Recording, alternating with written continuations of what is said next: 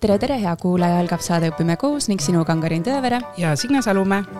sari Õpime koos Euroopas jätkab tuuritamist ka sel hooajal, et tutvustada ja luua koostöövõimalusi piiri taga tegutsevate haridusmaastikku inspireerivate eestlastega.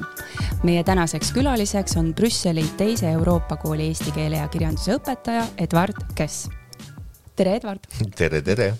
no niikaua, kuni meie siin tehnikat üles äh, sättisime, siis palusin äh, sul vaadata sõnu, mis ma siia kaardi peale kirjutasin ja mõelda natuke, et kuidas sa ennast tutvustaksid, sest me tegelikult ju isiklikul tasandil tuttavad ei ole, aga tahaks tuttavaks saada ja tervist, aitäh, et jah, vaatasin need sõnad üle, et hakkame siis aga kuskilt siit leiutama, et äh, kuidas ennast tutvustada.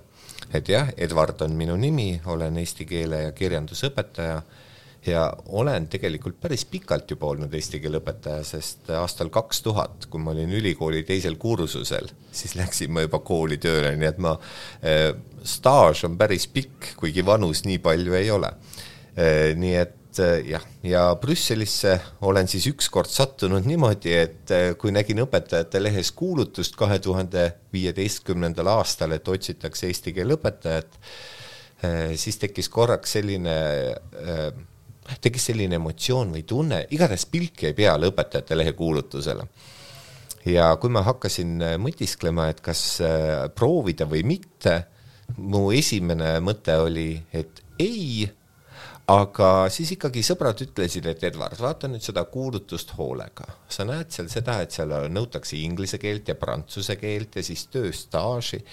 et nüüd korraks mõtle selle peale, et sa tunned väga palju eesti keele õpetajaid Eestis aga kui paljud, paljusid eesti keele õpetajaid sa tunned, kes räägivad vabalt inglise ja prantsuse keelt ja töötavad siiani tulemuslikult Eesti koolis eesti keele õpetajana?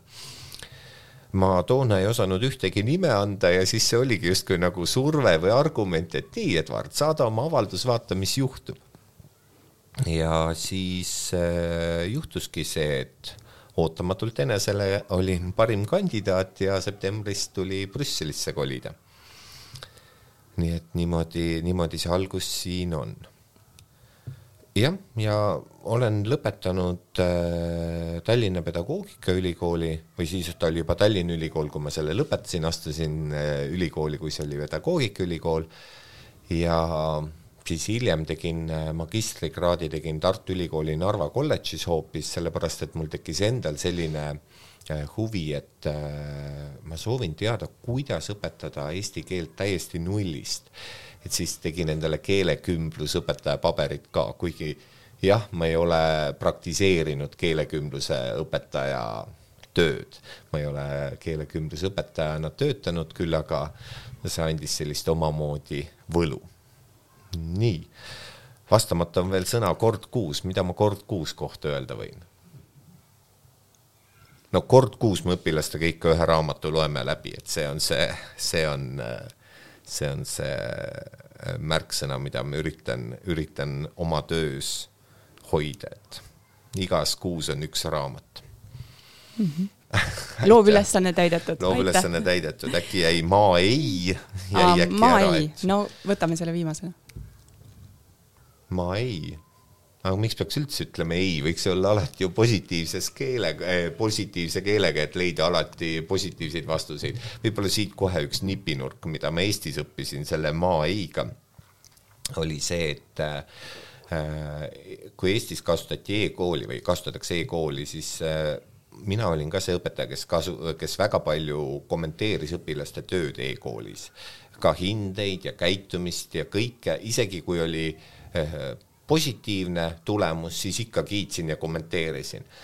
ja ma seadsin endale eesmärgiks, et äh, kuidas sõnastada märkust niimoodi, et see ei oleks öeldud negatiivses vormis, et isegi kui ma ütlen, et ära nätsuta tunnis, et siis nätsutamiskoht on mujal, et eesti keele klassis õpitakse töö, õpitakse eesti keeleks või tööasjad tuleb alati kaasa võtta, mitte selle, mitte et kirjutada tööasjad puuduvad või tööasjad kodus, et see on selline omaette, omaette eesmärk võib-olla, mida võiks endale seada, et kuidas, kuidas öelda alati positiivselt mm. -hmm no aitäh sulle, suurepärane Palun. sooritus.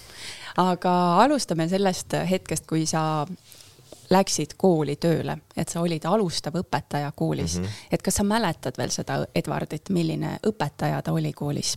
jaa, muidugi ma mäletan, et jah, see oli kakskümmend kaks aastat tagasi, aga kooli minek oli mul täiesti teadlik äh, valik ja see kuidagi kõik äh, ise juhtus, ütleme niimoodi. sest eesti keele õpetajaks ma isegi see ei ole ju tavaline valik, et üks äh, kaheksateist või üheksateist aastane noormees otsustab võib-olla minna eesti keele õpetajaks õppima, aga kuskil gümnaasiumi lõpus veebruarikuus, kui tuli teha otsus, et mis saab edasi, kui kõik olid juba riigieksamid olid valitud, kõik juba teadsid, kes läheb sinna, kes läheb tänna, siis minul tekkis just nimelt see mõte, et aga, aga mida ma siis teen ja ma väga kaua lükkasin edasi seda hetke, et kuhu ma siis oma dokumendid sisse viin või millisesse ülikooli astun või kelleks ma siis hakkan.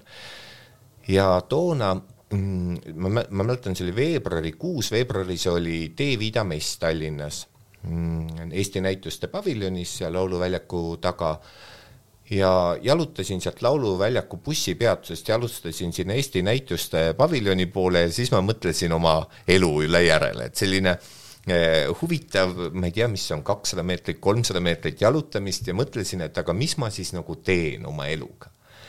ja, ja siis ma hakkasin selliseid suuri ühiskondlikke nagu vaalu või, või selliseid kaste endal peast ära tõstma, et mida ma teha ei taha, et olgu põllumajandus, ma panen kõrvale, majandus ma panen kõrvale, arstiks ma ei hakka. ja siis jäi alles, et alles jäi see valik, et olgu, aga ma lähen siis hakkan õpetajaks Eh, siis mõtlesin veel olgu, seal on nüüd jälle mitu valikut, et mis õpetaja siis olla. ja ma hakkasin samamoodi välistama, mis õpetaja ma ei taha olla, nii et eh, selles suhtes on nagu huvitav, et eesti keel jõudis minuni eh, välistamise kaudu, et ma mõtlesin, ajalugu ei taha, geograafia ei taha, bioloogia ei taha, matemaatika ei taha ja jäi alles eesti keel ja kirjandus.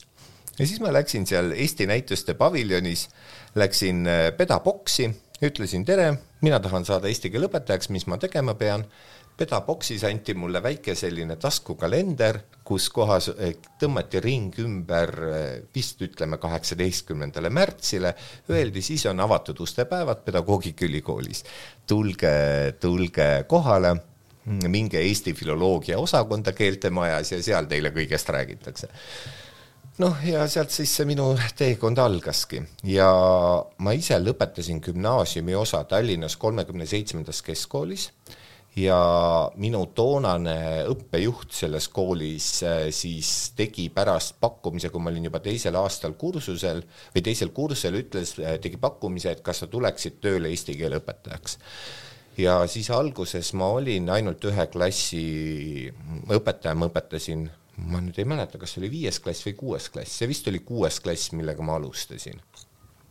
Ja muidugi ma mäletan seda esimest tunnet, ma mäletan seda, kui kuum mul oli, kui palav mul oli, eh, kui pinges ma olin, kuidas ma olin kõik läbi mõelnud ja võib-olla ka isegi üle mõelnud.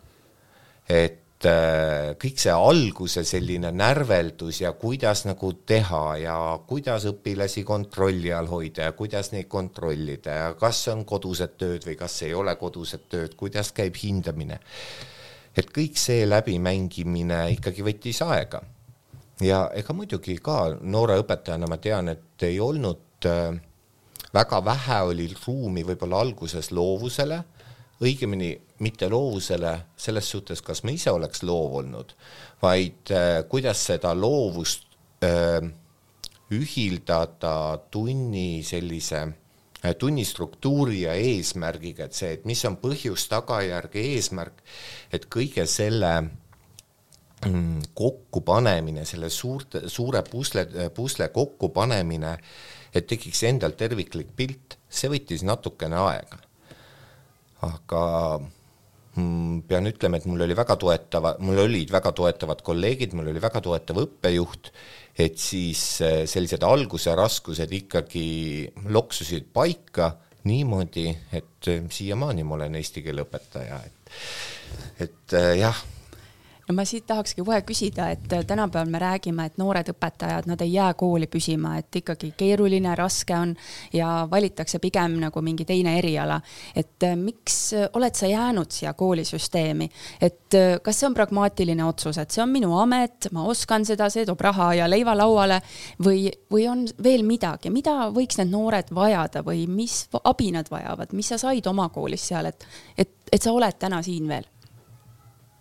Mm, ma kindlasti, ma, hea on muidugi öelda, et jah, et ma ei jäänud õpetajaks äh, majanduslikel põhjustel. Äh, sest äh, ma mäletan ka, kui ma olin esimene, alustasin õpetajana ja minu esimene palk pangaarvel oli natuke üle neljasaja krooni, see oli aastal üheksa, kaks tuhat, siis see oli nelisada viiskümmend eurot äkki, midagi niimoodi. see oli esimene palk, kui mul oli ainult üks tund äh, nädalas või mitte üks klass nädalas, see tähendas siis, tähendas siis viit nädalatundi. nii et tegelikult mingit sellist äh, rahavõlu seal ei olnud. aga mis mind võib-olla on hoidnud on hoidnud see, et äh, tugisüsteem või taustsüsteem koolis, kuhu ma läksin tööle, oli väga toetav, et õppejuht oli mõistev, toetav, innustav, kolleegid olid toetavad, innustavad, mõistvad.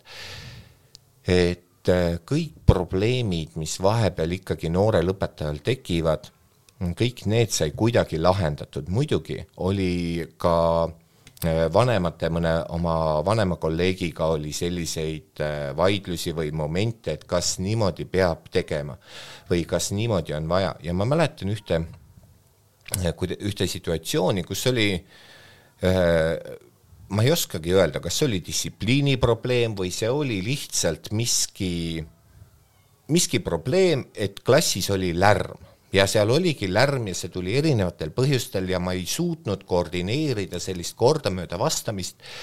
ja siis tulid äh, korraga klassi uksest sisse kolm sellist väga vana kooliõpetajat. Nad tõesti väga vanad ja nad lihtsalt karjusid mu peale klassi ees ja ma ei teadnud, kuidas seda olukorda lahendada ja midagi, ma lihtsalt kuulasin nad ära, õpilased siis, ma ei mäleta, kuidas see situatsioon lõppes, aga pärast õppejuht ütles mulle, Edward ole palun hea ja katsu aru saada. Nemad on need, kes elavad oma ajas, sina elad oma ajas, neil on oma nägemus, sinul on oma nägemus. Nemad on vanad ja varsti nemad lähevad, aga sina jääd. ja see on üks selline situatsioon või stseen äh, minu karjääris olnud, mis on nagu kõlama jäänud, et sina jääd, sa tead, mida sa teed, sa tead, kuhu sa jõuad et isegi kui ei tule mõni idee või, või, või, äh, või jah, et, et kuidas ma ütlen, ma ütleks siis niimoodi jah, et kui ei tule idee või soov äh, välja või, või see töövõte ei õnnestu kohe või ta ei peagi õnnestuma, sest mõne klassiga midagi ju ei õnnestugi, siis kui ütleb keegi sulle, et sina jääd, sa tead, mis sa teed ja sa võid eksida, aga sa jätkad, ja no niimoodi ma jätkasin, sest kolmekümne seitsmendas keskkoolis ma pärast töötasin üksteist aastat ja ja see, ja see, mida kõike sai teha, et kuidas leida see oma viis, oma metoodika, oma võtted, eh, kuidas eh, saada see kontakt õpilastega, et kõik see tulebki tasapisi. et võib-olla hoidis ka see, et ma alustasin algul ühe klassiga, teisel aastal oli mul ka üks klass ja siis tuli, eh, siis see koormus kasvas aga et eh, mida peab noorele või mida noor õpetaja kindlasti vajab, ta vajab seda tuge. Ja kindlasti see mentor, et kas on see mentor, kas on see õppejuht, kas on see teine kolleeg, aga keegi, kes paneb käe õlale, ütleb, et sa võid eksida, lähebki valesti, võib minna valesti, võib minna halvasti, võib olla lärm, et aga järgmine kord võib-olla enam ei ole seda lärmi ja jah, ja nüüd siin ma olen siis mm. -hmm nii, mis no, ma veel? juba jõudsid nagu sinna ka, et äh, mainisid juba ära, et millised omadused on ühel väärtõpetajal, aga ikkagi, et kui sa paneksid pildi kokku, kes on üks hea õpetaja, siis milline ta on ja kuidas saadakse heaks õpetajaks? nii armas filosoofiline küsimus. Äh, hea õpetaja on see, kelle silm särab kes läheb tundi ja tal sirm särab, kes äh, tuleb tööle sellepärast, et tal silm särab, kes äh, läheb klassi õpilastega tööd tegema ja, ja ta silm särab. ja kes ei võta õpilasi kui õpilasi, alamaid lolle, vaid võtaks pigem kui partnerit, et õpilane kui partner. ja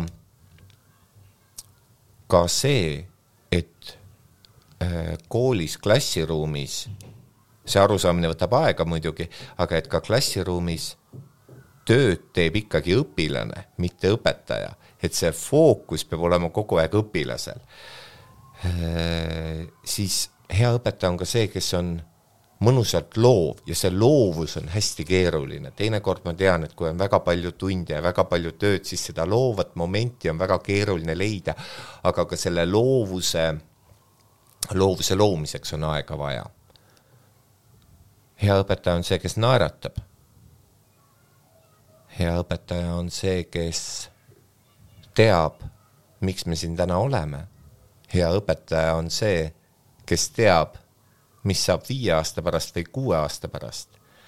et seesama mu noorema kooliastme kolleeg, keda me nägime siin kooliõues enne, Kristina, temaga oli korra nii eh, kena hetk, kui me rääkisime sellest, et eh, mida ma ootan essees vanema kooliastme lõpus või mida ma nagu tahan saada.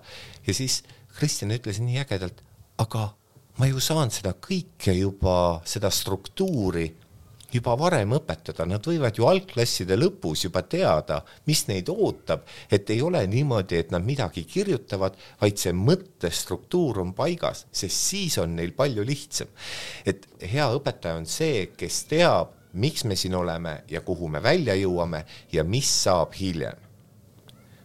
hea õpetaja on minu meelest ka see, kes äh, oskab siduda elu ja õppematerjali, seda õppeprotsessi et äh, mõtlen sellega seda, et kui oluline on see, et kui me täna räägime millestki, siis me seostame seda eluga, tulevikuga, laiemate probleemidega üldiselt. et jah, me võime läbi lugeda mõne raamatu, aga mis me selle raamatuga siis teeme, mis on see probleem, mis kõnetab, mis on see probleem, mida me peame meeles pidama ma näiteks mäletan ühest äh, siin seina peal on Kuidas elada Anni plakatid, aga ühel hetkel, kui me noortega neid lugesime, mm, mul oli üks selline klass äh, mõned aastad tagasi, kellel oli nagu väga selline mõnus kriitiline mõtlemine ja siis nad arutasid selles romaanis just nimelt seda, et olgu, et Ann ja siis tal oli see Timo, kes temaga seal niimoodi, kes teda ära kasutas ja minu küsimus oli, et kellel kondoom oli oh,? mitte kummalgi ai, aga mis siis nagu saab, et just nimelt see, et aga, aga kuidas siis nagu on? Ja sellest tuli pärast parool, et kui mõnes noorteromaanis või hilisemates raamatutes äh,, mida me lugesime, tuli ette mõni mm, pikantne seik, siis oli nagu, oli juba tähelepanek, et vaat, oli või ei olnud.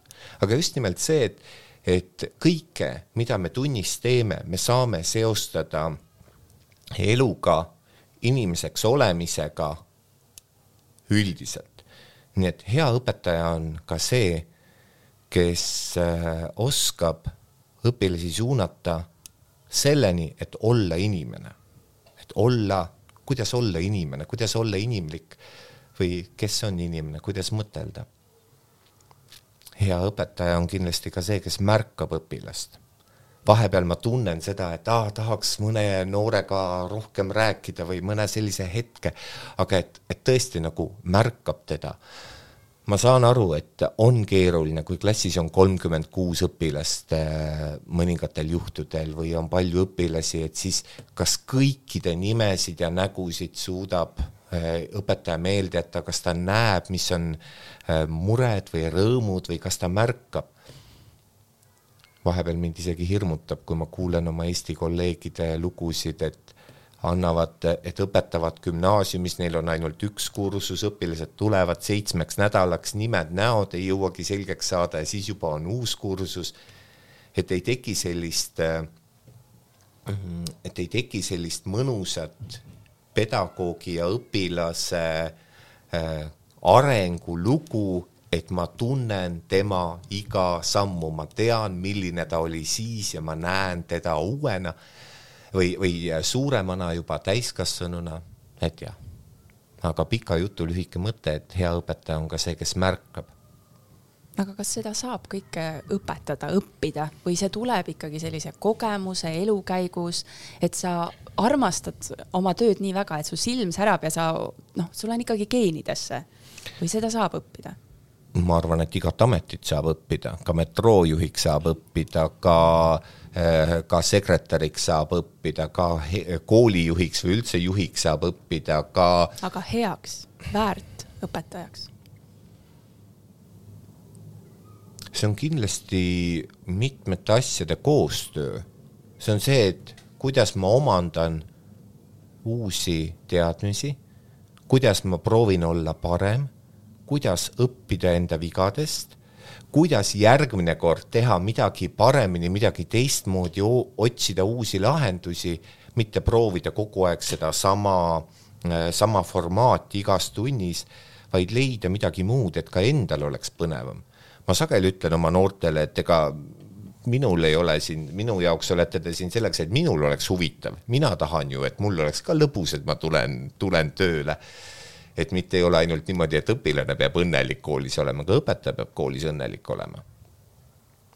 et seda kõike saab õppida ja seda kõike saab kujundada.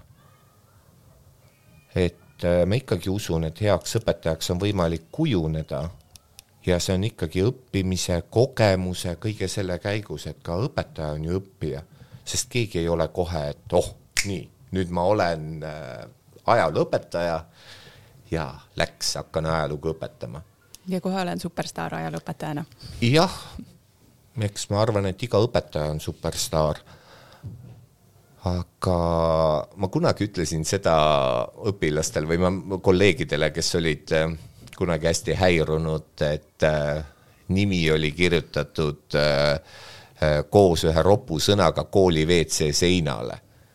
ja siis ma ütlesin küll, et aga see ongi tore, kui õpilased ju räägivad sinust, miks mitte. et kui keegi kirjutab seina peale, et kes on see või teine ropp sõna, siis väga hea, on vähemalt korda läinud. et me võime ju mõelda, et mis siis nagu juhtub, et õpilane on terve tunni on kohal nelikümmend viis minutit, võib-olla viis aastat ja üldse nagu õpetaja ei puudutanud mitte kordagi siis nagu selles vaimses või emotsionaalses mõttes. Et ikka jah emotsionaalne puudutus on ju oluline selge. ma küsiks siit, et ähm, sinu pikaajaline kogemus Eestis äh, siin, et ähm, mida sa tooksid õpetajakoolitusse oma kogemuse põhjalt, ütled, et vot seda võiks praegu siis õpetajakoolituses ülikoolides äh, edasi anda õpetajaks õppijatele? ma olen üha enam õpetajakoolituse osas olnud veidike kriitiline oma sellises kaasamõtlemises, sest see oli minu Eesti kogemus, oli see, et kui ma Mm, kui tulid äh, need kolm pluss kaks süsteemiga tulnud õpetajad äh, praktikale ja ma praktikantide pealt nägin seda, et mul oli natuke nagu tunne või kahju, et äh, et neil jääb justkui nagu midagi puudu, et midagi jääb õpetamata neile või näitamata, et neil ei ole praktikat, neil ei ole justkui aega. Eesti keele õpetajaks saab õppida nädalavahetustel, et ei ole statsionaarset õpet, ei ole seda pidevat, pidevat tööd, et ma samm-sammult iga päev äh, saan selleks äh, õpetajaks või, või kujunen õpetajaks, mitte saan õpetajaks, just nimelt kujunen õpetajaks et äh, nädalavahetusiti hoogtöö korras, see tekitab natukene hirmu. ja samas ma mäletan, mul oli väga tore praktikant ja see vist oli gümnaasiumitund ja teema pidi tulema futurism. ja rääkisime siis natuke, et mida ta futurismist võiks rääkida ja kuidas ja et kuidas nagu, et käsitleda futuristlikku luuletust. ja ma ütlesin siis, et aga siin on paar et eh, mina ise õpetajana kasutan Majakovskit siin näiteks, et võtan Majakovski treppluuletusi, et eh, võta need aga ette ja tee siis õpilastega koos selline mõnus futuristlik analüüs. ja siis oli selline kohmetus, et aga kuidas ma teen luuleanalüüsi, kuidas ma tõlgendan seda futuristlikult, et meil ei ole seda ainet justkui olnud. et keegi pole neile kunagi õpetanud, kuidas, kuidas futuristlikku luuleanalüüsi teha ja samas üks minu hea kolleeg ütles ka, et tema oli üllatunud, et kui oli vaja Goethet ja Fausti õpetada, siis praktikant ütles, et aga, et maailmakirjandust ma ei valinud. Et see oli ka nagu, et a, kuidas, kuidas, kuidas, kuidas, kuidas, et, et jah, mul on hea meel, kui inimesed tulevad kooli tööle ja on noored kool ja, ja nii edasi, aga kui vahepeal kuskil taustsüsteemis on pärast väike tühimik, siis seda täita on vist väga raske, väga kurb. aga õpetajakoolituses äh, arvan ma, et äh, praktika ja didaktika on see, mis on väga-väga äh, oluline just nimelt, et kuidas õpetajat kujundada. et jah, võib lugeda palju teooriat, aga siiski kooli praktikale, praktikaanalüüs, tunnianalüüs, et jah, tunnikonspekt ja tööplaan, need võivad ka olla mõnes mõttes olulised või teada, mis on õppekava põhimõtted, aga siiski aga siiski see, et just praktika, didaktika, metoodika, millised on meetodid, millist millist didaktikat rakendada, millist äh, äh, kuidas klassi ees hakkama saada, et ma kardan, et sellest võib-olla on natukene puudus. Sest kui ma ise mõtlen enda ülikooli aja peale tagasi, siis kasvatusteaduskonnas kõige ägedamad loengud olid minu meelest need, mis meil olid seotud eesti keele ja kirjanduse didaktikaga. Ja ühe korra, kui ma juba koolis töötasin, küsi-, ütlesin siis seda, et äh, kuidas olla klassijuhataja, me ei ole sellest sõnagi rääkinud, ma loodan, et nüüd tänapäeval räägitakse, mida tähendab klassijuhataja töö, kuidas on klassijuhataja didaktika, metoodika, mida klassijuhatajana teha, kuidas suhelda. Äh, et see on nagu see, mida on tahaks. et just sellist äh, kindlasti ka, et mõtlemist, et aga millise, millise mõttega või mis on see pedagoogiline mõte, millega, millega tundi minna.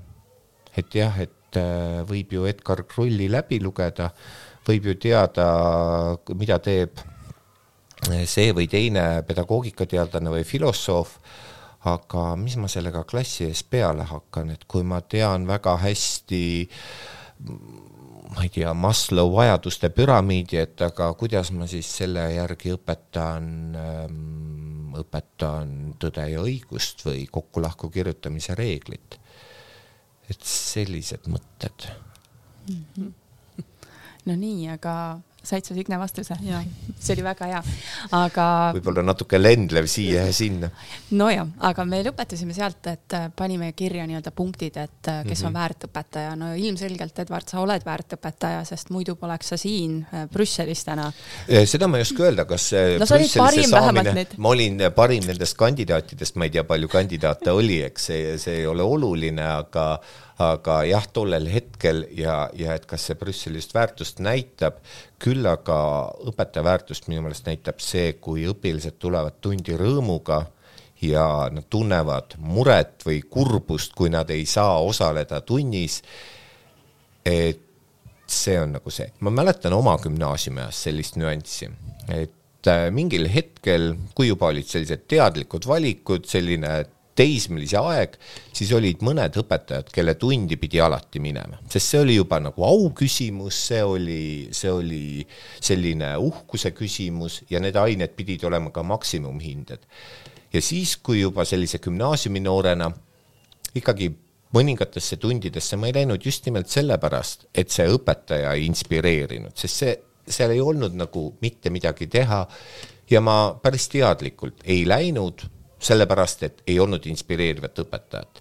ma arvan, et ei ole vahet, mis on õppeaine, aga kui seal ees on inimene, kes inspireerib, kes räägib tuumafüüsikast või kes räägib äh, sellest, mis toimub, äh, mis toimub aatomis või mis toimub ühes molekulis või mida teevad aatomid või või mis siis juhtus aastal äh, tuhat kaheksasada kaheksakümmend üheksa või et, et kui juba saab seda kirega rääkida või kui see on põnev uus teadmine, siis see juba ongi hea õpetaja. et kui õpilasel silm särab tunnis ja ta tuleb tundi rõõmuga. kas see ka näitab, et kui sinu õpilased lähevad eesti keele kirjandusõpetajaks õppima edasi, et sa oled väärt õpetaja, kas see on ka üks selline näitaja võib-olla siis, millega hinnata seda, et ma olen oma tööd hästi teinud, mul on järelkasv? Olen... see on hea küsimus, ma tean, et mul on kaks, kaks noort läinud eesti keele õpetajaks õppima ja mõlemad töötavad eesti keele õpetajana ja ma olen väga uhke, et nad on tööle läinud, ma ei oska öelda, kui palju olen mina olnud selle mõju, seda mõju andnud, et nemad äh, on eesti keele õpetajaks läinud.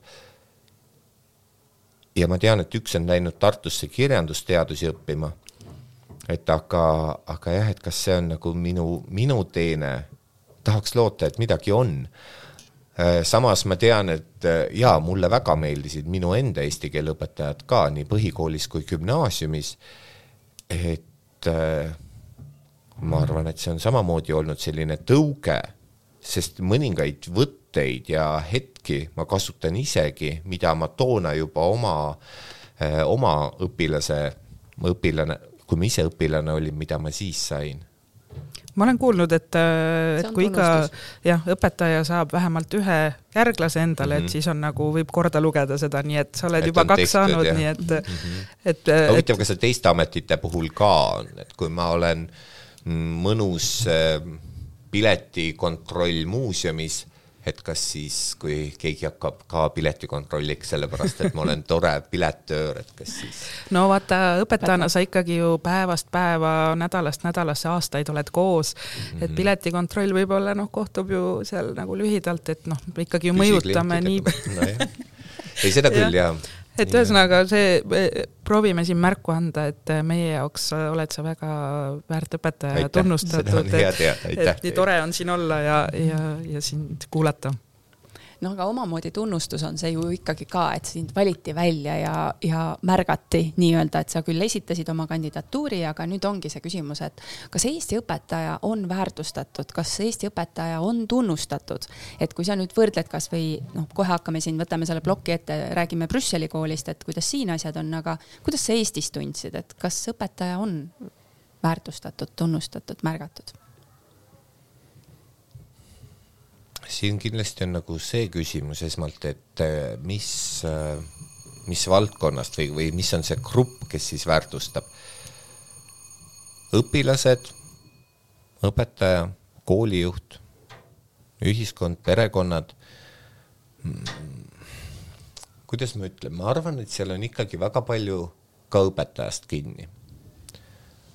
aga taustsüsteemina võib-olla ikkagi hakkab sellest, et kas on õpilase-õpetaja suhe, et milline see on, siis kuidas kodu toetab või on, et, et vahepeal mul on tunne, et kui, kui kodu ei usalda õpetajat, vaid reageeritakse kohe ja üle, et kui e-koolis nähakse hinnet, siis juba kirjutatakse õpetajale, et oota, mis mõttes neli, mis mõttes kaks. et siis see on natuke nagu hirmutav, et oot-oot-oot-oot, aga üks kaheksateistkümnenda märtsi kaks ei näita seda, et eh, kas temast saab eh, halvem ema või halvem isa või et ta kukub läbi lõpueksami, et see ei ole nagu see, et tööprotsess ongi üles-alla, et tööprotsess ei saa olla kogu aeg maksimum, isegi äh, mitte ühegi töö juures ei ole ju tööprotsess kunagi kogu aeg maksimum või, või et kõlarid on põhjas ja kogu aeg täiega andmine. ikka vahepeal ju igas töös tuleb tuleb mõningaid tagasilööke või, või ei lähe kõik nii, nagu on. ja samamoodi ka õpilasel ei õnnestu iga kord, ei peagi õnnestuma.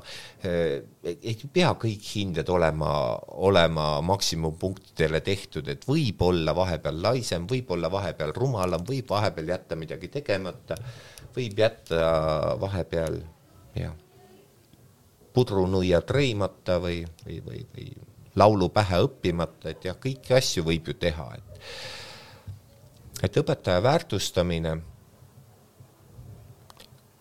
esmalt peaksid õpetajat väärtustama teised õpetajad, et see on nagu see asi, et äh, ma ise alati kasutan oma äh, sellises õpetamisfilosoofias just nimelt seda mõtet, et kes ei väärtusta mitte või kes ei, kes see veel õpetajat väärtustab, kui mitte teine õpetaja et ma alati püüan olla toetav oma kolleegide osas, isegi kui ma ei ole nõus.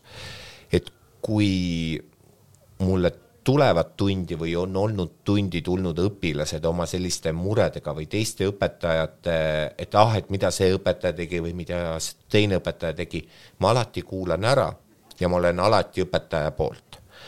küll aga hiljem ma võin ju rääkida oma kolleegiga, aga see, et ma pean alati olema teise oma kolleegi poolt. Ja see on, ma arvan, sel-, see peab olema selline vaikiv mentaalne kokkulepe, et jah, et vaikiv kokkulepe, et ma alati olen oma kolleegi poolt, juba see toetab õpetajat. siis äh, perekond kui oluline osa, et kui perekond usaldab õpetajat, et õpilane läheb hommikul kooli ja vanemad ei kontrolli kogu aeg, et mida õpilane koolis teeb või mis hinde ta saab, vaid laseb tal õppida ja olla. muidugi sekkub, kui on vaja, aga et ei ole see helikopter lapsevanem et, et need helikopterlapsevanemad on natukene nagu eh, hirmutavad, eriti siis sellisel nuti- ja e-kooli ajastul. ja ühiskonnast laiemalt jah, ma saan aru, et, et palgaküsimus on näiteks alati oluline ja alati õhus, aga see palgaküsimus peabki õhus olema, sest olukord, olukord ei ole ju normaalne, arvestades, arvestades Eesti õpetaja koormust, tööülesandeid ja, ja, ja palga suurust. et see, et see peab tulema, see peab tulema siis, mm, see peab ikkagi tulema siis nagu valitsuselt või kelleltki teiselt, et meil on Eestis ju äh, kohalikke omavalitsusi, kes väga toetavad oma õpetajaid, et kas me kuuleme või teame, kui raskesti, ma ei tea, kui raske on elu mäe, mäetaguse õpetajatel või, või, või kus veel palju palka õpetajad saavad, sellepärast et nad lihtsalt juba on õpetajad olemas, et et jah, et aga me saame aru, et võib-olla Tallinnas õpetajad saavad vähem palka või Tartus, et mõnis piirkonnas, et see on nagu väga ebavõrdne ja sõltub ju ka klassi suurusest ja tööst. ma nüüd läksin oma jutuga võib-olla natukene rappa. ei ole lugu. aga mõte on, mõte, mida ma tahan nagu öelda, on, on nimelt see, et et selline õpetaja väärtustamine, see peab tulema nagu igalt poolt, et seda peab ka meedia peab näitama seda ka eh, ka teised õpetajad, ka lapsevanemad peavad aru saama, et õpetaja on ikkagi spetsialist, mitte, mitte nende isiklike negatiivsete koolikogemuste peegeldaja või, või resultaat. kohalik omavalitsus jah, ühiskond laiemalt, et et selles suhtes, et ma ei oska öelda, et, et milline amet nüüd ei tohiks olla mitte väärtustatud, iga amet peab olema väärtustatud, aga, või iga amet ongi oluline ja väärtuslik, ka see, kes kohupiima pakib, on väga väärtuslik amet, sellepärast et me saame selle kohupiima ju kätte, aga siis võiks olla ju ka väärtustada neid inimesi, kes hmm, pakivad teie lastele teadmisi, arendavad teie laste oskusi või siis eesti laste oskusi? noh, lihtsalt õpetaja töö on selline, et justkui ei jää seda silmnähtavat hunnikut, et see asi on tehtud. et kui sa nüüd küll. Äh, mõtled, et sellepärast on see väärtusküsimus võib-olla natukene mm -hmm. teine ja noh, alati on tahame või ei taha kool kuidagi seotud äh, sellega, et kui on midagi halvasti, et mm -hmm. ikka näidatakse ju koolile, et äh, aga noh, nii on ma küsiks jälle siia vahele selle, et sa laiendaksid natuke seda mõtet, et eelkõige kolleeg peab toetama kolleegi ehk siis õpetaja õpetajat, et sina oled alati õpetaja poolt. et, äh, et võib-olla tooksid siin mingisuguse sellise näite või kas sa oled ise ka klassijuhataja?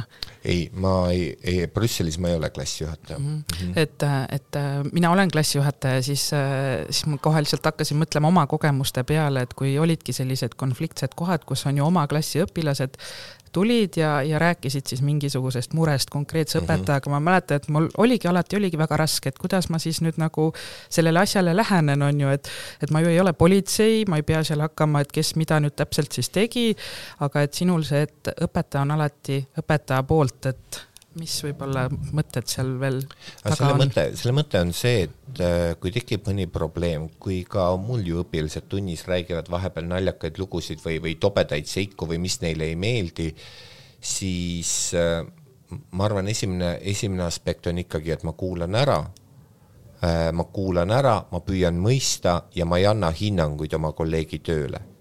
ma ikkagi juhin nagu tähelepanu sellele, et õpilane peab koolis hakkama saama ja, ja ta peab ju koolis töötama ja ta peab selle õpetajaga ka edasi töötama, et äkki midagi me saaksime teha niimoodi, et seda probleemi siis justkui ei tekiks või et saaks seda probleemi mingil moel vältida või, või seda lahendada teistmoodi.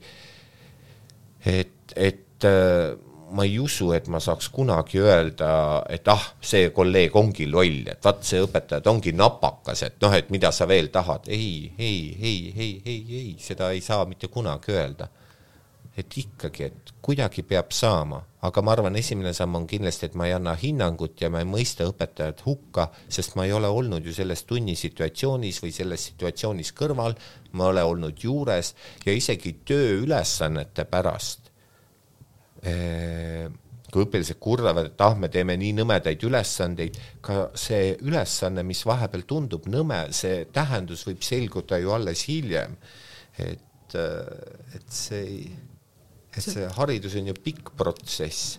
see on selline hea konflikti lahendamise õpetuse koht siis on ju, et et järelikult on konflikt, on ju õpilaste ja õpetaja mhm. vahel, et kuidas seda nüüd siis lahendada et no selle äh, kohta on see, et igast kriisist saab õppida, eks ju, et äh, ja see on alati arengukoht, et äh, neid on vaja, et mm -hmm. tahame või ei taha. aga noh, hea oleks jah, kui saaks nii, et, et nagu sa ütlesid, et lapsevanem võiks õpetajat toetada, et lapsevanem näeks seda samamoodi, et oleks ka, et toetab igal juhul õpetajat, et see oleks nagu ülim sihuke, kuhu võiks sa jõuda nagu jah, sest äh, vahepeal võib ju ikkagi mõelda seda, et, äh, et kui näiteks justkui on õpilane saanud tulemuse, mis ei rahulda ei õpetajat, õpilast ega lapsevanemat, siis äh, võiks ju korraks ikkagi mõelda, et kas see negatiivne tulemus on lapsevanema tegemata töö, on see õpetaja tegemata töö või õpilase tegemata töö.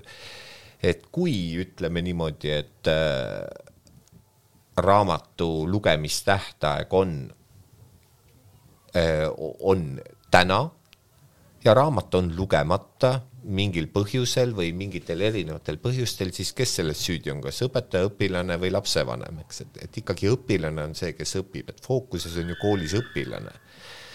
ja, ja õpilane on see, kes teeb tööd. E, esmalt ikkagi arendab ennast ja, ja isegi teinekord igav raamat või, või raamat, mis ei kõneta, võib olla mõnes, mõnel hetkel oluline. just nimelt selles suhtes, et kuidas ma saan hakkama tekstiga, mis ei kõneta. võib-olla tulevikutöös me peame lugema seaduse tekste, mis meid ei kõneta üldse, pangalepinguid, mis meid üldse ei kõneta, mis ei pea tekitama emotsiooni, tuleohutuse eeskirju, kasutamisjuhendeid, pikki, pikki mis iganes tekste ja meil ei pea olema emotsioon, aga meil peab olema oskus lugeda. nii et isegi ka igava äh, raamatu, mis ei kõneta, lugemine peaks andma meile ju selle oskuse, et me oskame tekstiga, tekstist läbi minna, teksti, tekstiga tööd teha niimoodi, et jah, ma saan aru, mis toimub, aga mul ei pea tekkima emotsioon.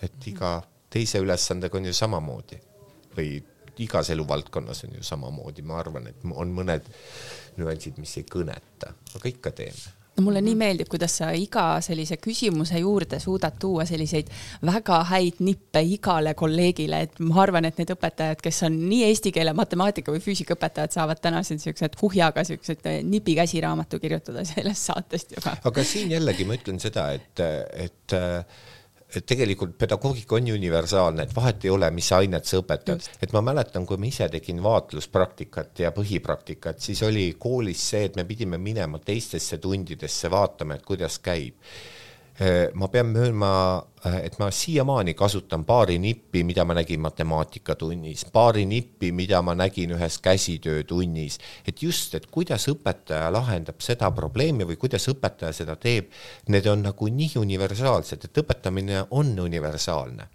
et võib-olla vahele põikena ma võin öelda, et ühe loo, et meil on Euroopa koolis või siin on selline ülesanne, et kui mõni õpetaja puudub, mu kolleeg puudub, siis kord nädalas ma tunniplaanis valin endale tunni, kus ma olen alati valmis minema oma kolleegi asendama. ja kui ma olin siin alles olnud mõned nädalad, jõudis kätte see hetk, see päev, kus ma pidin asendama mm, S3 ehk siis Eesti mõistes kaheksanda klassi keemiatundi rootsikeelses sektsioonis ma ei osanud sõnagi rootsi keelt või võib-olla paari sõna oskasin, aga sellest oli vähe, et äh, keemiatundi anda. ja see, mida tunnis tegema pidi, ma sain sellise väikese paberitüki, mille peal olid numbrid ja tähed numbrid on araabia numbrid, selles suhtes ei olnud keeruline aru saada, aga mida need tähed tähendasid, need olid lühendid, kas oli lehekülg, kas oli ülesanne, kas oli harjutus, kas oli peatükk, seda ma ei teadnud. ja läksin tundi, seletasin õpilastele, et vot, mul on eh, siin, teie olete siin, kontrollisin, kes kohal on, kes ei ole, ja siis ütlesin, et mul on selline kood, kirjutasin selle tahvli peale ja ütlesin, et aga kas te nagu teate, mida siis sellega tegema peab. õpilased ütlesid jaa jaa, teame, kõik hakkasid tööle, kõik tegutsesid, ühel hetkel tõusis korraks üks käsi ja küsis, et äh, kas, kui me nüüd seda tööd teeme, kas me vaikselt muusikat võime kuulata? mina ütlesin ainult, et noh jah, eks kuulake siis. ja, ja siis ma sain aru, et tegelikult ongi ju see õpetamise töö äh, universaalne, et vahet ei ole, olu, mida ma teen või mida ma õpetan või mis on õppeaine. oluline on see, on kuidas, mida ja miks. ma tean, miks me siin täna oleme ma võib-olla ei tea täpselt, mida me teeme, aga me teame, kuhu me välja jõuame ja õpilased, neil on see eelteadmine olemas, nemad teavad samamoodi, kuhu nad välja jõuavad ja siis lihtsalt oskus on panna inimesed tööle, et jah, me nüüd teeme, me töötame, me saame hakkama, mitte ei istu lihtsalt äh, tundi niimoodi sekundi osundit äh, tunni lõpupoole täis. Ja siis ma sain aru jah, et, et õpetamine ongi universaalne, et vahet ei ole, mis on see õppeaine, tegelikult ei ole probleemi ju mitte ühtegi õppeainet õpetada, kui, kui on teada, et miks me oleme, mida me tahame, kuhu me jõuda tahame, kellega me oleme noh, siin nippidest rääkides jah, said praegu õpetajad nipi, aga kindlasti ka õppejuhid said nipi, et võiks kohe küsida õpetajatelt, et millist tundi oled valmis asendama nii-öelda, et mitte ei lennataks sulle ka ootamatult peale, et siis sa teadki oodata, et mm -hmm. näiteks ma ei tea, teisipäeviti teine tund on mul vaba, et seal ma olen asenduseks määratud no ja eks see on ka tunniplaanis kokkulepe jah ja., et meil on see kokkulepe ja siis ongi, et ma, mida ma siin olen õpetanud viimati, mul on see teisipäeval neljas tund, olen valinud oma tunniplaanis asendustunniks, et olen õpetanud nii prantsuse keelt, äh, matemaatikat, soome keelt, noh, ja mis iganes jah, inglise keelt ja nii edasi, et mis parajasti on olnud tunniplaanis. aga kas iga kord on siis lipik kaasas äh, õppeülesannetega või sa oled päriselt pidanud ka nagu tunni ette valmistama kiiresti või kui ruttu sa nagu teada saad, et sa pead ikkagi minema? see sõltub, ma võin teada saada hommikul tööle tulles, et on asendustund, aga üldiselt ikkagi, kui on selline plaaniline puudumine, siis me, õpetaja teab, et ta puudub, kas ta läheb koolitusele või on mõned teised teised põhjused, et siis me ikkagi teame varem, et nüüd on asendustund tulemas.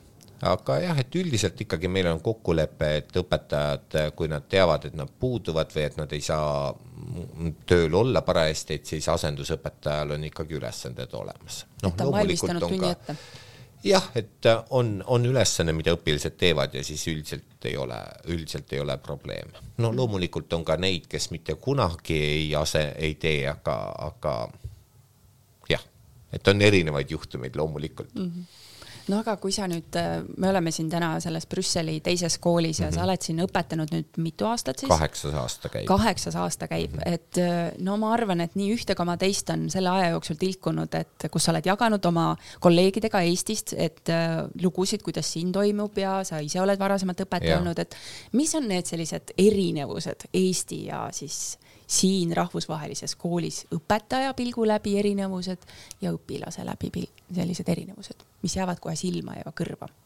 üks, mis mind väga ennast puudutab, on see, et ma tajun, et Euroopa koolis on õpetaja usaldatud, et õpetajat usaldatakse. ja õpetajat usaldatakse kui spetsialisti ja mida õpetaja teeb, miks ta seda teeb, seda õpetaja teab ja ongi selline valitsev suhtumine või, või isegi kooli juhtkond toetab, et jah, õpetaja teab, miks ta seda teeb ja mis on see eesmärk, kuidas ta seda teeb, need vahendid, need metoodika, selle valib õpetaja ise. ja, ja, ja see usaldus on nagu kuidagi hästi oluline, et ma mäletan, mul oli üks selline situatsioon, et, et mul oli üks õpilane, kes ei lugenud Tõde ja õigust ja tal oli teisi asju ka tegemata, nii et tekkis selline olukord, kus kohas äh, kus kohas tunnistusele justkui peale nulli ei oleks midagi saanud panna. ja ma pöördusin oma sellise tähelepanekuga nii õppenõustaja, klassijuhataja kui ka õppejuhi poole, et vaat, et on selline olukord tulemas, et ma nüüd ei tea, mis siis nagu teha. Ja ma tean seda, et, et ma seletasin ilusti ära, et vaat tõde ja õigus, miks see on oluline, miks ma seda nõuan, et nagu põhjendada, mida ma nagu teen ja miks ma seda teen ja siis ütles õppejuht mulle, kui ma hakkasin seda seletama, et oot-oot-oot, Edward, et mida sa praegu räägid? me ei ole siin sellepärast, et mida sina teed ja miks, vaid meil on oluline vaja teada seda, et sina tead, mida sa teed ja miks. Meil on oluline fookus praegu ikkagi see, et miks õpilane ei ole teinud seda, mida sina tahad, et ta teeks või mida ta peab tegema, et jõuda nende tulemusteni. et meil on ikkagi õpilane on nagu see, mis on ja sina tead, mida sa teed ja siis pärast seda mul tekkis kuidagi selline arusaamine või, või teadmine, et jah, et aga minu varasemas karjääris on olnud juhtumeid, kus ma pean tõestama, miks ma midagi teen, kus äh, öeldakse pigem niimoodi või on öeldud pigem niimoodi, et aga et kui õppekava miinimum on üks raamat veerandis, neli raamatut aastas, siis ma ei saa nõuda rohkem kui üks raamat veerandis et vahet ei ole, kas see raamat on kuuskümmend lehekülge luulekogu või, või nelisada lehekülge romaani, et meil on ikkagi üks raamat veerandis, see on õppekava miinimum ja õpilane peab selle kätte saama. vot, et, et siis see oli minu jaoks selline suur arusaamine, et ahaa, et aga õpetajat usaldatakse, et öeldaksegi, Edward, sa oled spetsialist, sa tead, mida sa teed, sa tead, miks sa teed, sa oled välja valitud, sa oled haritud. Ja nii on. See usalduse selle..., jah, see usalduse küsimus on hästi oluline, et kas ma usaldan oma töötajaid või ei usalda. siit ma kohe mõtlengi seesama, et ma äh, toetan oma kolleegi Mm -hmm. igal juhul, see on seesama mhm. usaldus, mhm. on ju, et kui mina õpetajana tajun ka, et mind ei usaldata ja siis, kui tulevadki lapsed mulle rääkima võib-olla kolleegist, on ju, kus on seal mingid konfliktid, asjad, siis seesama, see mitteusaldamine lähebki edasi, mina hakkan ka mõt-, noh, ma ju ka siis ei usalda seda teist kolleegi, kui ma tajun, et võib-olla juhtkond ei usalda mind, et et ma arvan, et see on siin see hästi oluline koht, kuidas ongi võimalik, et kõik kolleegid ongi teineteise poolt, kui me tajume, et meid usaldatakse, seda, et me oleme professionaalid, professionaalid, me teeme õiget asja et see oli praegu ma selline ahaa, et ahaa, miks ma võib-olla niimoodi noore, nagu ma alustasin, et miks ma võib-olla tajusin teinekord, et oi, minu lastele nüüd tehti liiga näiteks või mm -hmm. midagi sellist. jah, aga tegelikult mis mõttes liiga, eks, et jah, et äh, vägivald on vägivald, kui vägivaldaks läheb, siis peab kindlasti sekkuma. aga kui on selline tavaline tunni mingi väike nägin, siis ma arvan, et see ei ole, see ei ole kohe maailma lõpp, et homme on ju ka päev et jah, see usaldus on oluline ja, ja selle usalduse koha pealt ma võib-olla toon, võiks ühe näite veel tuua selles suhtes, et mis mulle, mida ma väga hindan Euroopa koolisüsteemis, on see, et koolivaheajad on vabad. ehk see tähendab seda, et kui on koolivaheaeg, siis on õpilased vabad ja siis on õpetajad vabad. et õpetajad tulevad tööle sügisel, me alustame oma tööaega kaks-kolm päeva enne õpilasi minu esimesel-teisel aastal ma olin natuke nagu üllatunud, et oot, aga miks, kuidas nagu, et aga ettevalmistus, aga tegelikult see kõik töötab, ei pea olema kaks nädalat enne varem õpetaja majas, istuma, nagu ma mõne oma hea Eesti kolleegi pealt kuulen, et ollakse majas ka kooli vaheaegadel kella kaheksast kella kolmeni ja seda kontrollitakse, et õpetajad on majas. see on ikkagi natukene hirmutav ja, ja et jah, et äh, kooli vaheajal, et olla koolitused või õppenõukogud, tegelikult ka seda saab teha mõnel muul ajal, et kui on koolivaheaeg ja õpetaja saab piisavalt puhata, siis äh, ma arvan, on õpetaja palju rõõmsam ja õnnelikum. kusjuures ma tean oma kolleege, kes väga plaanivadki niimoodi, et kui neil on koolivaheaeg, siis nad näiteks parandavad ära eksamid või teevad ära hoopis ettevalmistuse. et kui õpetaja ei ole koolis, siis see ei tähenda seda, et ta et ta ei tööta, et loomulikult õpetajatel on igalühel on oma selline metoodika, oma, oma lähenemine et on need kolleegid tõesti, kelle, kes võtavadki ette ja nad teevad oma selle koolivaheaja esmaspäeva ja teisipäeva näiteks ja nad teevadki eh, oma tööd. ja, ja see ei ole ju keelatud või nii, et sest õpetajat usaldatakse, töö peab olema tehtud, õpilased peavad olema õpetatud, tulemused peavad olema põhjendatud. ja nii ongi ja kõik kokku tulebki, et jah, see mulle väga meeldib. Euroopa koolis, et äh, koolivaheajad on vabad õpetajale ka. aga kuidas see töökultuur siis on, et äh, kuidas niimoodi saab, et anna nüüd nagu nii-öelda Eesti koolijuhtidele ka sisend, et kuidas seda tööd siis planeeritakse, et see on võimalik? Sest kõik me teame, et Eesti nagu õpetaja, Eesti sellega... õpetaja on ülekoormatud mm, -hmm. et vaheaeg oleks vaba, et kas, mida Eesti õpetajalt saaks siis ära võtta või kuidas seda tööpäeva neil planeerida niimoodi, et kooli vaheaeg oleks Eesti õpetajal aga ka vaba. võiks nagu küsida, et aga mida kooli vaheajal koolis teha? mis seal nagu siis on, et jah, saab teha koolituse äh, meie koolis või Euroopa koolis on meil niimoodi, et meil on äh, tavaliselt pärast sügisvaheajalt tagasi tulemist esimene esmaspäev on koolituspäev. Ja see tähendab seda, et õpilased on kodus. Neil on, kas neil on omad ülesanded või mitte, tavaliselt ei ole, et neil on lihtsalt koolivaheaeg üks päev pikem, aga me nimetame seda pedagoogiliseks päevaks, ehk siis meil õpetajatena on sellel päeval majas oma treeningud, oma äh, oma tegemised, oma nõupidamised, oma koosolekud, meil on oma lektor, oma töötoad, kuidas iganes erinevatel aastatel see korraldatud on aga et selline kooli ühiskoolitus ei ole mitte kooli vaheajal, vaid see on just nimelt selle kooli, kooli õppetöö ajal on üks päev, kus õpetajad on kõik majas ja neil on koolitus. kooli vaheaegadel on sageli ka õppenõukogud. Eestis, ma mäletan, meil olid kogu aeg õppenõukogud kooli vaheajal sellised suuremad. meie süsteemis või Euroopa koolisüsteemis on see niimoodi, et äh, kuna meil on õpilasi palju, siis meil on see klasside kaupa ära jaotatud, et äh, et S1, S2, S3, S4, S5, S6, S7, iga õppenõukogu on erineval päeval ja see algab alati pärast äh, tunde, tunnid lõpevad kell kuusteist kümme, nii et õppenõukogu hakka, algab meil siis kuusteist viisteist või kuusteist kakskümmend ja nüüd oleme sellest aastast alates äh, Mm, koroon, kroonviiruse tagajärjel siis, et meil on õppenõukogud kõik online'is, nii et see on ka väga tore, et me arutame, me räägime klasside kaupa ja erinevates sektsioonides ja, ja siis saab osaleda, õppenõukogus saab osaleda siis, kui on, mm, kui on vaja.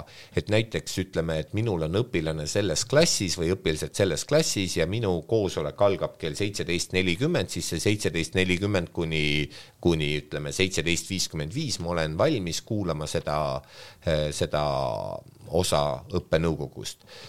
et jah, et ja kõik muud sektsiooni koosolekud või kõik sellised ka algavad pärast tööpäeva lõppu kell kuusteist viisteist tavaliselt, aga aga need ei ole nagu ootamatud, et oh, täna teeme, vaid me ikkagi teame pikalt ette, me teame pikalt planeerida, et et äh, mul siin mõned kolleegid, ma tean, et äh, teavad siis, et millal lapsehoidjat või kes läheb lasteaeda järele või, või et äh, selliseid asju saab plaanida, aga kui see on pikalt ette teada, siis juba selle arvelt tulebki ju koolivaheaeg vaba, et jah, et praegu meil on õppenõukogude aeg. et eile näiteks õppenõukogu minul algas, mis ma sealt seina pealt näen et äh, minul algas vist kell kuusteist viiskümmend või seitseteist kümme esimene aeg ja siis oligi, et äh, seal kella viie-kuue vahel ma olin online'is, kuulasin oma osa ära, rääkisin, kui mul oli vaja rääkida, tegin tähelepanekut, mida oli vaja teha, aga ma tean, et kooli vahel ma olen vaba, et selles suhtes keegi ei kontrolli, kas ma pean kooli vahel tööle tulema või ei pea. ja ma tean oma kolleegidest, et on ju neid koole, kus kooli vaheajal ei ole õpetajad tööl ja ei ole, ei juhtu mitte midagi, kui õpetaja ei vaata, mis tal sahtlis on koolivaheajal. seda saab ka mõnel muul ajal teha. nagu te siin ringi näete, loominguliselt kohe näha, et koolivaheajal tööd ei ole tehtud, et raamatud on riiulis niimoodi loominguliselt, paberivirnad on paberivirnad, et need on kõik need hetked, mida saab teha mingil muul ajal, et selleks ma ei pea tulema koolivaheajal tööle, et vaadata, mis mul sahtlis on et see on nagu üks see, mis on veel, mida saab võtta kaasa. ja kolmas aspekt võib-olla eh, siis usaldus, eh, koolivaheajad, töökorraldus ja kolmas aspekt, mis, mida ma väga hindan Euroopa koolis, on ka see, et puudub hinde ja õppekava surve.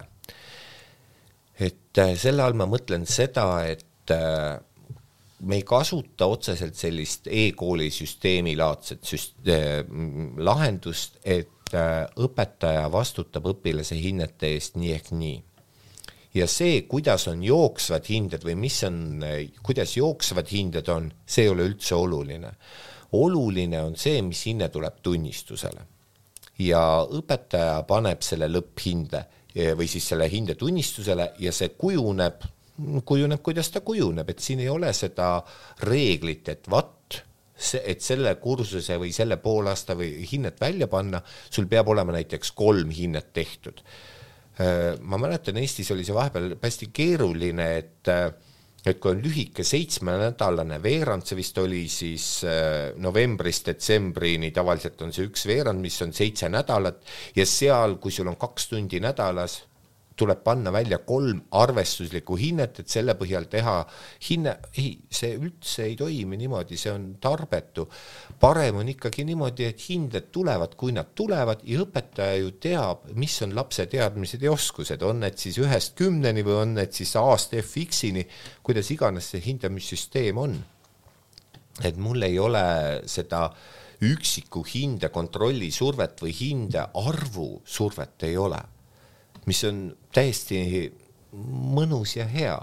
mida muidugi on vahepeal meile öeldud ka, et, et et kui õpetaja paneb hinde õpilasele tunnistusele, siis ta peab arvestama ka kindlasti kahekümne protsendi ulatuses sellist hooldust, hoolsust ja käitumist ja kõike muud. Okay.. et ma tean seda, et eriti mina ja mu Põhjamaade kolleegid on alati olnud sellised, et miks ma peaksin nagu hindama käitumist ja hoolsust, eks ole, teadmised on, teadmised on kümned, aga noh, tunnis käitud nagu vana tropp, et siis paneme kaheksa et aga, aga jah, et see, see hindesurve, surve asi või hinde mm,, hindemaratoni ei ole.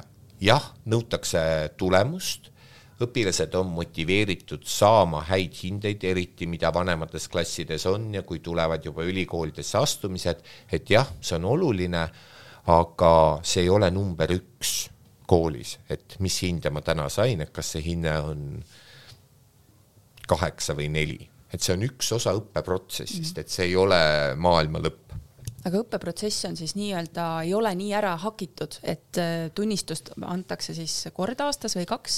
Eh, tegelikult meil antakse isegi neli korda aastas, aga see on nagu niimoodi, et Äh, septembrist oktoobrini, siis kuskil oktoobri lõpus saavad õpilased sellised vahehinded. vahehinne tähendab seda, et see näitab, mis on parajasti olukord, et kirjeldada olukorda, et on see, see vahehinne kuus või neli või kaheksa, et mis on see praegune olukord ja siis poolaasta lõpus saavad õpilased siis sellise poolaasta hinde, mis on juba siis selline ametlik poolaasta raport, poolaasta tunnistus siis jälle kuskil aprillis tulevad välja sellised vahehinded, et milline on see olukord poole aasta jooksul ja siis tuleb jälle see poolaasta hinne lõpus ja aastahinne tuleb siis selle kahe poolaasta hinde põhjal. Äh, et see on niimoodi üldiselt aga on ka niimoodi, et äh, mõningates klassides, näiteks S5-s ja S6-s on vaheeksamid, S5, S6 on siis kümnes ja üheteistkümnes klass. Neil on teatud ainetes äh, on neil alati vaheeksamid, ehk siis poolaasta lõpeb eksamisessiooniga ja nad teevad eksamit, äh, näiteks eesti keele eksam kümnendas klassis kestab kaks tundi ja viisteist minutit, kuuenda, üheteistkümnendas ehk siis S6-s kestab see kolm tundi ja nad teevad ikka seal lugemist ja esseed ja see on ka nagu üks arvestuslik hinne, et ma võtan seda kui sellist olulist arvestuslikku, võib-olla Eesti mõistes siis võiks olla arvestuslik kontrolltöö. Sest eh, eksamid on siin natuke teistmoodi, et see ei ole see, et igal eksamil peab olema kolm päeva vahet ja ei, see on eksam, aga see näitab sinu teadmisi ja oskusi, võib juhtuda niimoodi, et õpilasel on kaks eksamit päevas või kolm, aga tavaliselt üle kahe ikka ei ole, et, et aga teevad eksamid.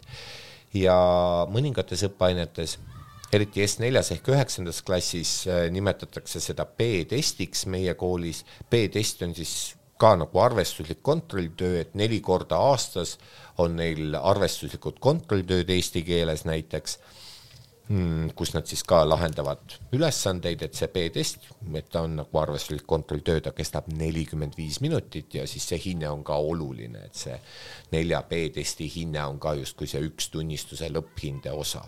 et nagu eraldada seda tunnihinnet siis juba ka sellise nõudlikuma, nõudlikuma hindega, et siis võib täiesti vabalt olla näiteks niimoodi, et õpilane, kelle eh, tunnihinne on üheksa ta võib näiteks selle vaheeksami hinde saada seitsme, eks ole, mis nagu näitabki seda, et jah, tunnis võib ju olla teinekord äh, lihtsam hindeid saada või lihtsam saada paremaid hindeid, aga et mida sa siis selles eksamisituatsioonis või kriitilises situatsioonis, et kas sa siis ka suudad kontsentreerida.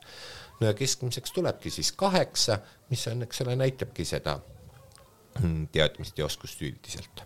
nii on et see on selline hindamise ja kooli sellise õppetöö osa, et hindesurvet ei ole nii palju mm. -hmm aga nüüd ainekava, et mm -hmm. sa teed kolleegidega koostööd ja sina õpetad ju Eesti õppekavas järgi see või noh, sa õpetad äh, Eesti ainekava järgi ja, ja, ja, ja et selles suhtes. see võrdlus, et kas mm, -hmm. kas me räägime Eestis on ju, et äh, Eesti see õppekava on liiga mahukas ja need mhm. ainekavad on sellised ülepaisutatud mm, -hmm. et kas siin Euroopa koolis äh, võtad sa nagu, õhendad seda natukene, oled pidanud latti võib-olla allapoole hindamisel laskma mm, -hmm. sest äh, laste selline kultuuriruum on ju ka teine mm. -hmm selle õppekava osa pealt, osa koha pealt on siis niimoodi, et me lähtume Eestis kehtivast õppekavast, eriti siis sellises eesti keele, eesti keele mm -hmm. ainekavas siis.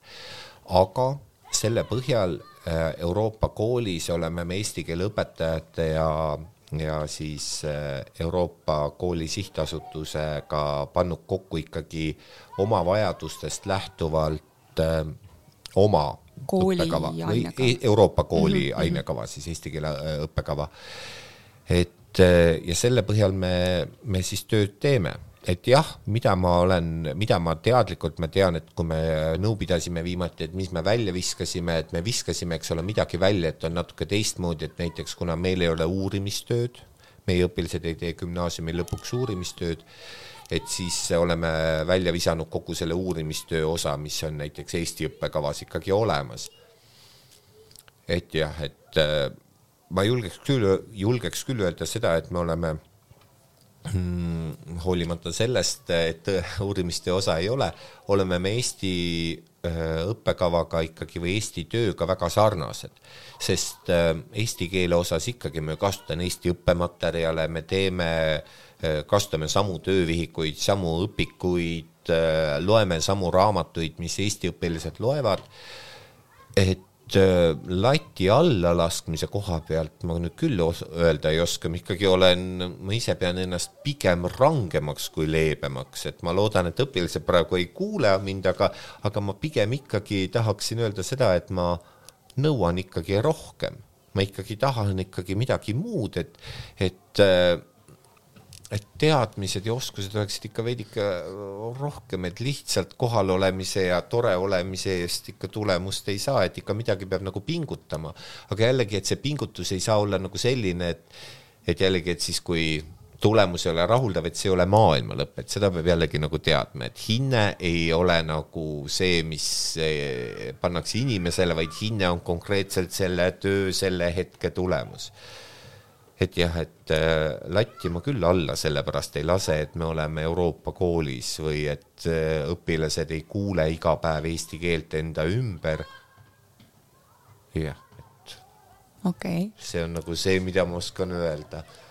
ikka tahan, et nad oskaksid kokku-lahku kirjutada, suurt-väikest algustähte, teaksid võõrsõnade tähendust, aga loomulikult, mida ma tean, mida ma teadvustan, on see, et töötades Euroopa koolis ma pean eh, mõningaid aspekte rohkem lahti seletama, et kuna äh, siin teises Euroopa koolis Eesti õpilastel ongi ainult eesti keel, on eesti keel, keeles siis äh, et kuna meil ei ole siin eestikeelset sektsiooni, siis äh, ma pean tegelema ka teiste ainete sõnavaraga niivõrd, kuivõrd ma kokku puutun, et natuke matemaatikat seletama või muusikaterminit või füüsikatermineid või meenutama teisi aineid, et äh, mm, minu jaoks võib olla see tavaline tunnis, et õpilane küsib suure väikse algustaja harjutuse puhul, et mis on Ruhnu, et see ei ole minu jaoks ei ole see nagu probleem, et jah, seletame ära, et mis on Ruhnu, et Eestis Eesti õpilane võib-olla teab, mis on Ruhnu või mis on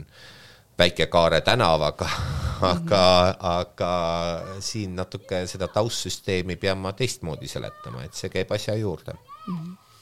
aga kui palju siin Eesti õpilasi praegu on sul, keda sa õpetad? Eh, natuke üle viiekümne, natuke üle viiekümne, et mul on seitse klassi mis siis äh, S1-st S7-ni ehk siis kuuendast kaheteistkümnenda klassini, igas klassis väike ports õpilasi ja kokku on neid natuke üle viiekümne, viiskümmend kolm või viiskümmend neli äkki, et et mu klassi kõige väiksem klassi, klass on kolme õpilasega klass ja kõige äh, suurem klass on üheteist õpilasega, üheteistkümne õpilasega klass, nii et selles suhtes, nagu te siin klassis näete, siin ongi ainult kakskümmend kohta, et see on täiesti paras suurus.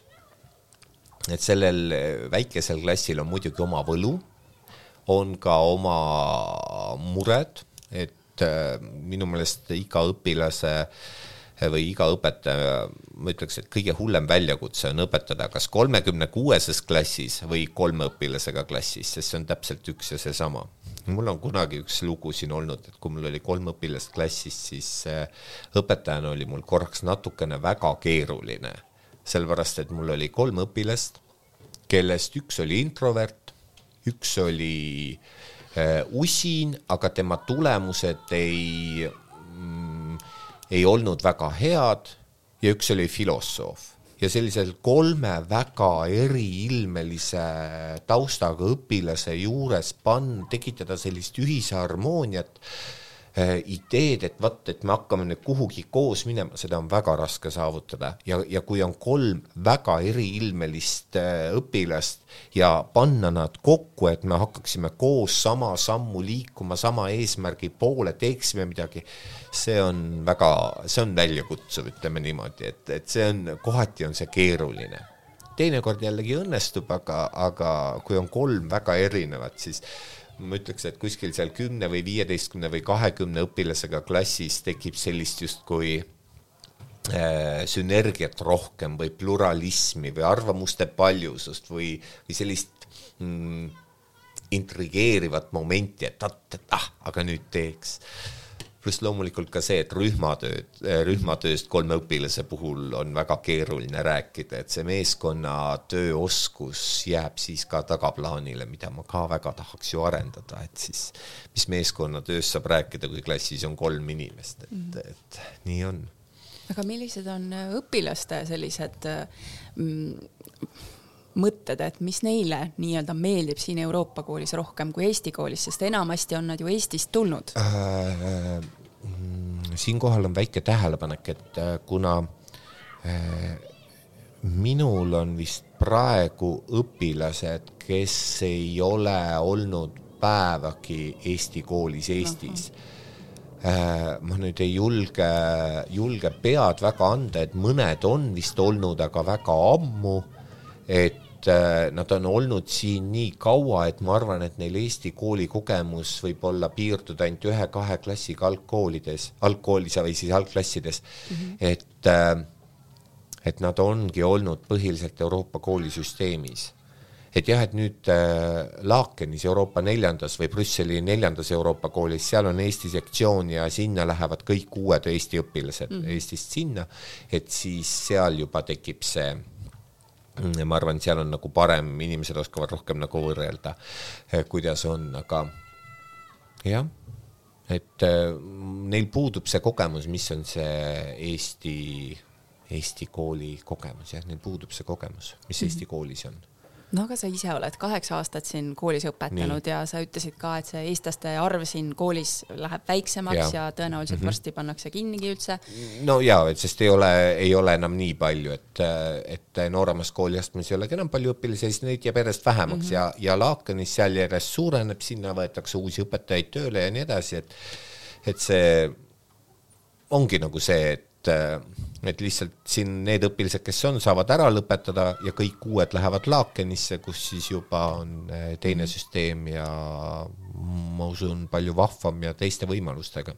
aga mis sinu väljakutsed on, et kas siin Voluvees on rohe, rohi rohelisem, tahaksid sa siia jääda, tahaksid sa Laekenisse edasi minna, Eestisse veel kolmandasse kohta? sellega on nüüd niimoodi, et Euroopa koolis on see põhimõte, et õpetajad võetakse tööle üheksaks aastaks, nii et äh, reeglite järgi mul järgmisel aastal on siin viimane tööaasta.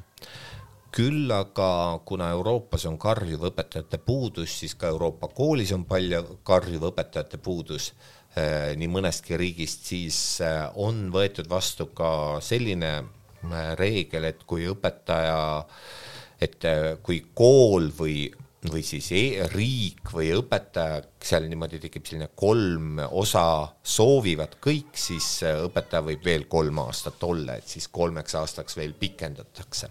aga noh, eks see selgub järgmisel aastal. et kas ma olen siin kolm aastat kauem või järgmine aasta on viimane aasta, et äh, praegu ma ei julge küll öelda, et kas see on ei või kas see on jaa. aga mis saab edasi kui Euroopa kooli aeg lõpeb, sest Euroopa koolis ongi tähtajalised lepingud ja ma arvan, mõnes mõttes on see hea, et on tähtajalised lepingud. mis siis edasi läheb, seda ma ei tea. aga mis nende tähtajaliste lepingute võlu on, on minu meelest ka see, et ma ise näen ju ka seda, et kui ma olen siin kaheksa aastat olnud, et kuigi ma väga kiivalt ja pingsalt hoian kogu aeg kontakti äh, oma kolleegidega Eestist, me räägime, me suhtleme, ma käin eesti emakeele õpetajate kõikidel üritustel, kus vähegi võimalik käia, on Eesti emakeele õpetajate seltsi kõikidel üritustel olla, et ma saaks olla aktiivne eesti keele õpetaja äh, või või aktiivne liige, siis saada uut infot, siis ikkagi mul on natukene tunne, et, et ma jään veidike sellisest võib-olla äh, värskusest jääb natukene puudu, see võib-olla on täiesti vale tunne, aga see on selline enesekriitiline mõtlemine, et, et, et, et, et, et tahaks, tahaks ju midagi veel. et jah, et see on see kauguses, kauguse sulumine on ikkagi natukene kohati see kauguse sulumine.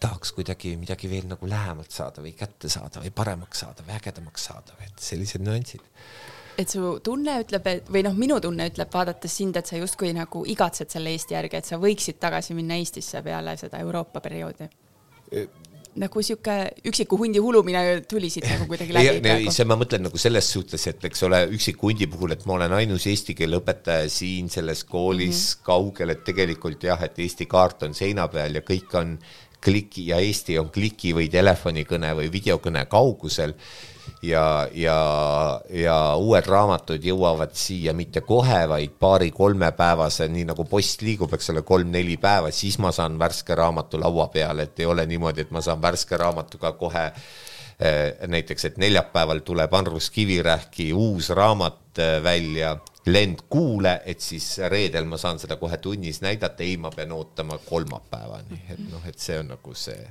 see nüanss, et see on see, mis see kauguse asi mind nagu rohkem, rohkem nagu vahepeal morjendab.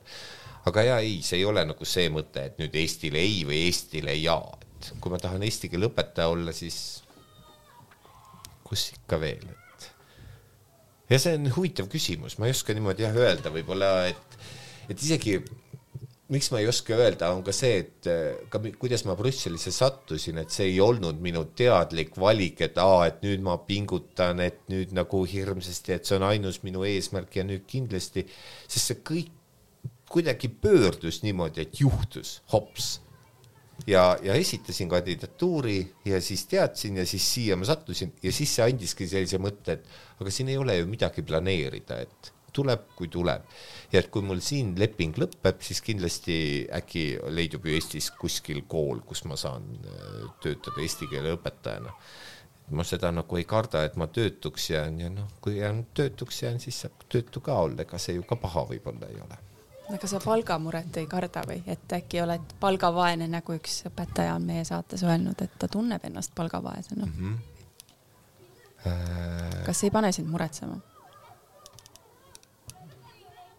Puh, ja ei, see mind praegu küll muretsema ei pane. Euroopa kooli palk on natuke teine, kui on Eesti kooli palk mm. -hmm et äh, kas me võime numbritest rääkida või? minu pärast lase jah, et äh, Euroopa kooli, vanema kooliastme õpetaja miinimumpalk on neli ja pool tuhat eurot. neli ja pool tuhat eurot Eesti mõistes on loomulikult väga võluv, väga motiveeriv palk siia tulevad muidugi erinevad lisad juurde staaži eest ja koduigatsustasu ja, ja erinevad sellised äh, boonused tulevad ka juurde, ületunnitöö teinekord ja et see palk loomulikult on, äh, kujuneb kõrgemaks kui neli ja pool tuhat, aga mm, samas jälle on nii mitmeidki riike, kuskohast õpetajad ei taha Euroopa kooli tulla, sellepärast et Soome õpetaja või Saksa õpetaja saab paremat palka või rohkemgi. Et selline lugu, aga jah, see palgavaesust, et selle peale ma niimoodi ei oska jah öelda, et kas ma kardan palgavaesust, et jah, et no kultuurivaesust.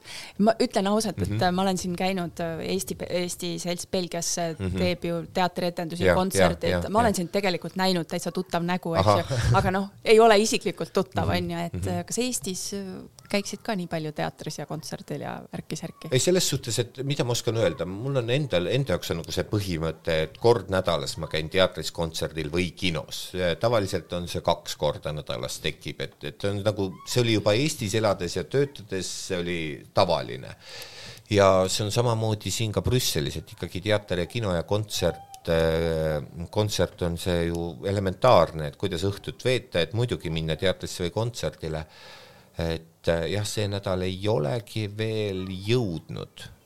Oli mõte täna õhtul, aga vist ikkagi ei jõua, sest igal õhtul on õppenõukogu, aga see selleks, et aga mida ma väga kõrgelt hindan, on see, et äh, Brüsselis on väga tugev Eesti selts ja nad korraldavad teatrietendusi ja, ja toovad, toovad siia Eesti teatreid, toovad Eesti filmi, toovad Eesti muusikat et minule kui keele- ja kirjandusõpetajale on see lihtsalt üks pluss, et ma seisan käed klassis puusa äh,, käed puusas klassi ette ja ma ütlen õpilastele nii, sellel kuupäeval on see etendus, kellele ostavad vanemad piletid, vanemad piletid, kellele ostan mina, nii, lähme.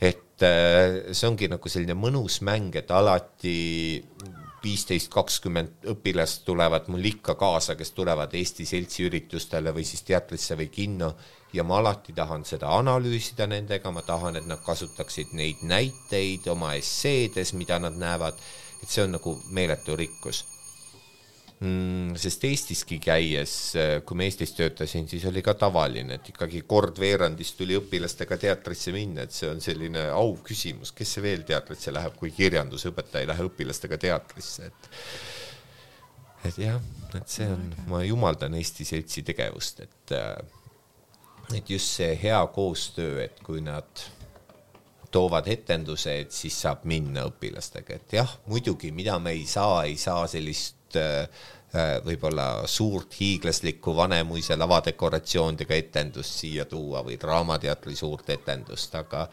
samas saab ka teisi etendusi, mida, mida õpilastega koos vaatama minna, see on lahe kuidas sina selle seltsi tegevusse, kas sa panustad kuidagi äh, kuidas sa selles kaasa lööd äh, peale selle, et sa osa võtad nendest asjadest?